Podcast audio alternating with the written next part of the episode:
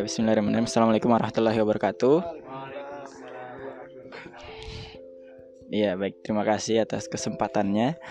Alhamdulillah Mbak uh, Ya jadi teman-teman uh, Ada salah satu hadis ya yang aku rasa Teman-teman udah cukup familiar Apalagi di saat-saat seperti sekarang ini Yaitu adalah Umumkan pernikahan dan rahasiakanlah hitbah Itu kan sering banget ya kita dengar ya Nah, ya walaupun hadis yang redaksinya umumkan pernikahan dan rahasiakan hitbah itu hadis doif ya kalau menurut e, mayoritas utama yang lebih e, masyhur adalah umumkan pernikahan aja. Cuma sampai diumumkan pernikahan, e, rahasiakan hitbah atau rahasiakan lamaran itu ada yang bilang doif. Tapi walaupun begitu cukup banyak ulama yang tetap menganjurkan untuk merahasiakan lamaran atau merahasiakan hitbah gitu. Dengan e, tahu nggak kira-kira kenapa hitbah atau lamaran itu perlu atau lebih baik dirahasiakan. Ya betul karena boleh terjadi dan juga e, untuk menghindari adanya peluang-peluang hasad, dengki dan sebagainya kayak gitu. Gitu. Sedangkan kalau untuk walimah nikah ada baiknya untuk diumumkan. Nah, eh, apa hubungannya dengan yang aku ingin sampaikan pada pagi hari ini? Ya jadi tidak tidak tidak. Ya.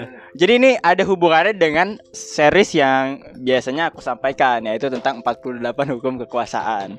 Ya, sebelumnya udah dua hukum, ini hukum ketiga dari Robert Greene.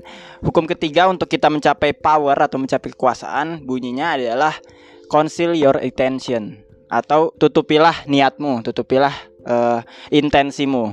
Kalau misalnya kamu ingin mencapai sebuah desire ya, ingin mencapai sebuah hasrat kekuasaan, ingin target tujuan gitu. Dan uh, ya ini relate juga ya dengan hadis yang tadi kurang lebih ya, gitu. Jadi uh, aku juga ingat salah satu kisah dari Muhammad Al-Fatih ya. Jadi Muhammad Al-Fatih itu setelah menaklukkan Konstantinopel kan kita uh, masyur banget ya uh, kisahnya yang beliau menaklukkan Konstantinopel. Jadi Muhammad Al-Fatih itu membuat sebuah pasukan lagi di setelah melakukan Konstantinopel yang pasukannya itu lebih besar, lebih besar terus uh, dilatih pasukan perangnya.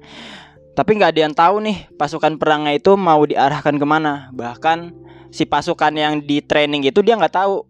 Dia yang dia tahu dia mau mau dilatih perang aja tapi dia nggak tahu dia nggak tahu tujuannya mau diarahkan ke mana sampai-sampai salah satu perkataan Muhammad Al Fatih yang cukup terkenal adalah kalau saja sehelai janggutku tahu niatku untuk memberakan pasukan ini ke mana nih saya aku akan mencabut janggut tersebut gitu jadi sampai serahasia itu kenapa e, dirahasiakan dan kira-kira ke mana sih tujuannya gitu ya tujuannya adalah ke Roma gitu ya. Jadi tujuan Muhammad Al-Fatih selanjutnya beliau ingin menaklukkan Roma setelah menaklukkan Konstantinopel. Karena itu salah satu bagian untuk e, mengabulkan sabda Rasulullah juga ya. Jadi ingin menaklukkan Roma.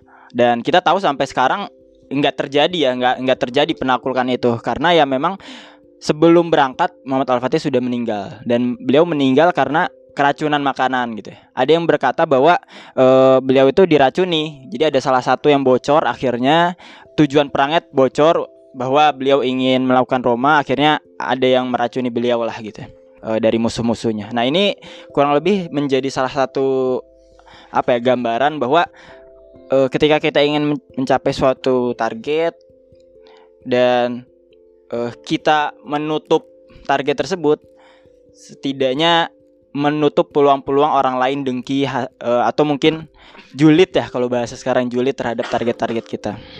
Ya jujur dulu sebenarnya aku waktu muda. Ya, sekarang masih muda juga ya. Ya waktu SMA lah ya SMA SMP SMA karena suka banget baca buku-buku yang inspiratif gitu-gitu. Aku berpendapat bahwa kalau punya mimpi itu di sharing ke orang gitu ya. Supaya orang-orang bisa ikut mendoakan gitu, gitu e, dan sebagainya gitu. Tapi ke sini ke sini aku mulai berpikir secara lebih uh, adil mungkin ya. Ada hal-hal yang memang baik untuk disampaikan ke publik ada hal-hal yang memang lebih lebih penting yang nggak usah disampaikan gitu. Disampaikan nanti aja kalau misalnya udah kejadian. Bahkan lebih seringnya nggak disampaikan gitu. Kalau misalnya ada keinginan untuk ngapain atau untuk menuju apa gitu ya terus dirahasiakan dulu. Karena kan belum kejadian gitu. Dan juga untuk menghindari orang-orang ngejulitin dan sebagainya oh dia mau ke sini sini gitu ya dan sebagainya gitu. Jadi ya ini menurutku sesuai kebutuhan aja. Uh, dan ini juga mungkin uh, menjadi sebuah tantangan di masa ini ya ketika media sosial udah sangat masif sekali. Keinginan untuk bisa eksis posting sesuatu bikin story bikin status kan pasti tinggi banget gitu ya. Ada orang-orang yang memang harus banget nih posting story gitu. Uh, ada orang-orang yang memang selalu update. Ya itu bukan selamanya salah juga ya tapi ini menurutku tergantung kebutuhan juga. Dan kalau misalnya balik ke hukum ketiga yang dari Robert Greene tadi conceal your attention kalau menurut beliau dengan kita menutup uh, niat kita jadi musuh-musuh kita komputer-komputer kita itu uh, bisa terkecoh ya gitu. Bahkan saran dari Robert Greene kita membuat deception membuat pengecohan. Jadi misalnya kita mau menuju A kita mengesankan bahwa kita sebenarnya menuju B gitu ya. Supaya uh, mereka prepare kita menuju B eh ternyata kita ke A gitu ya jadi mungkin ini bisa diterapkan di mana pun sesuai kebutuhan. Gitulah ya. Oke jadi itu aja. Semoga ada manfaat yang bisa diambil. Oke terima kasih. Assalamualaikum warahmatullahi wabarakatuh.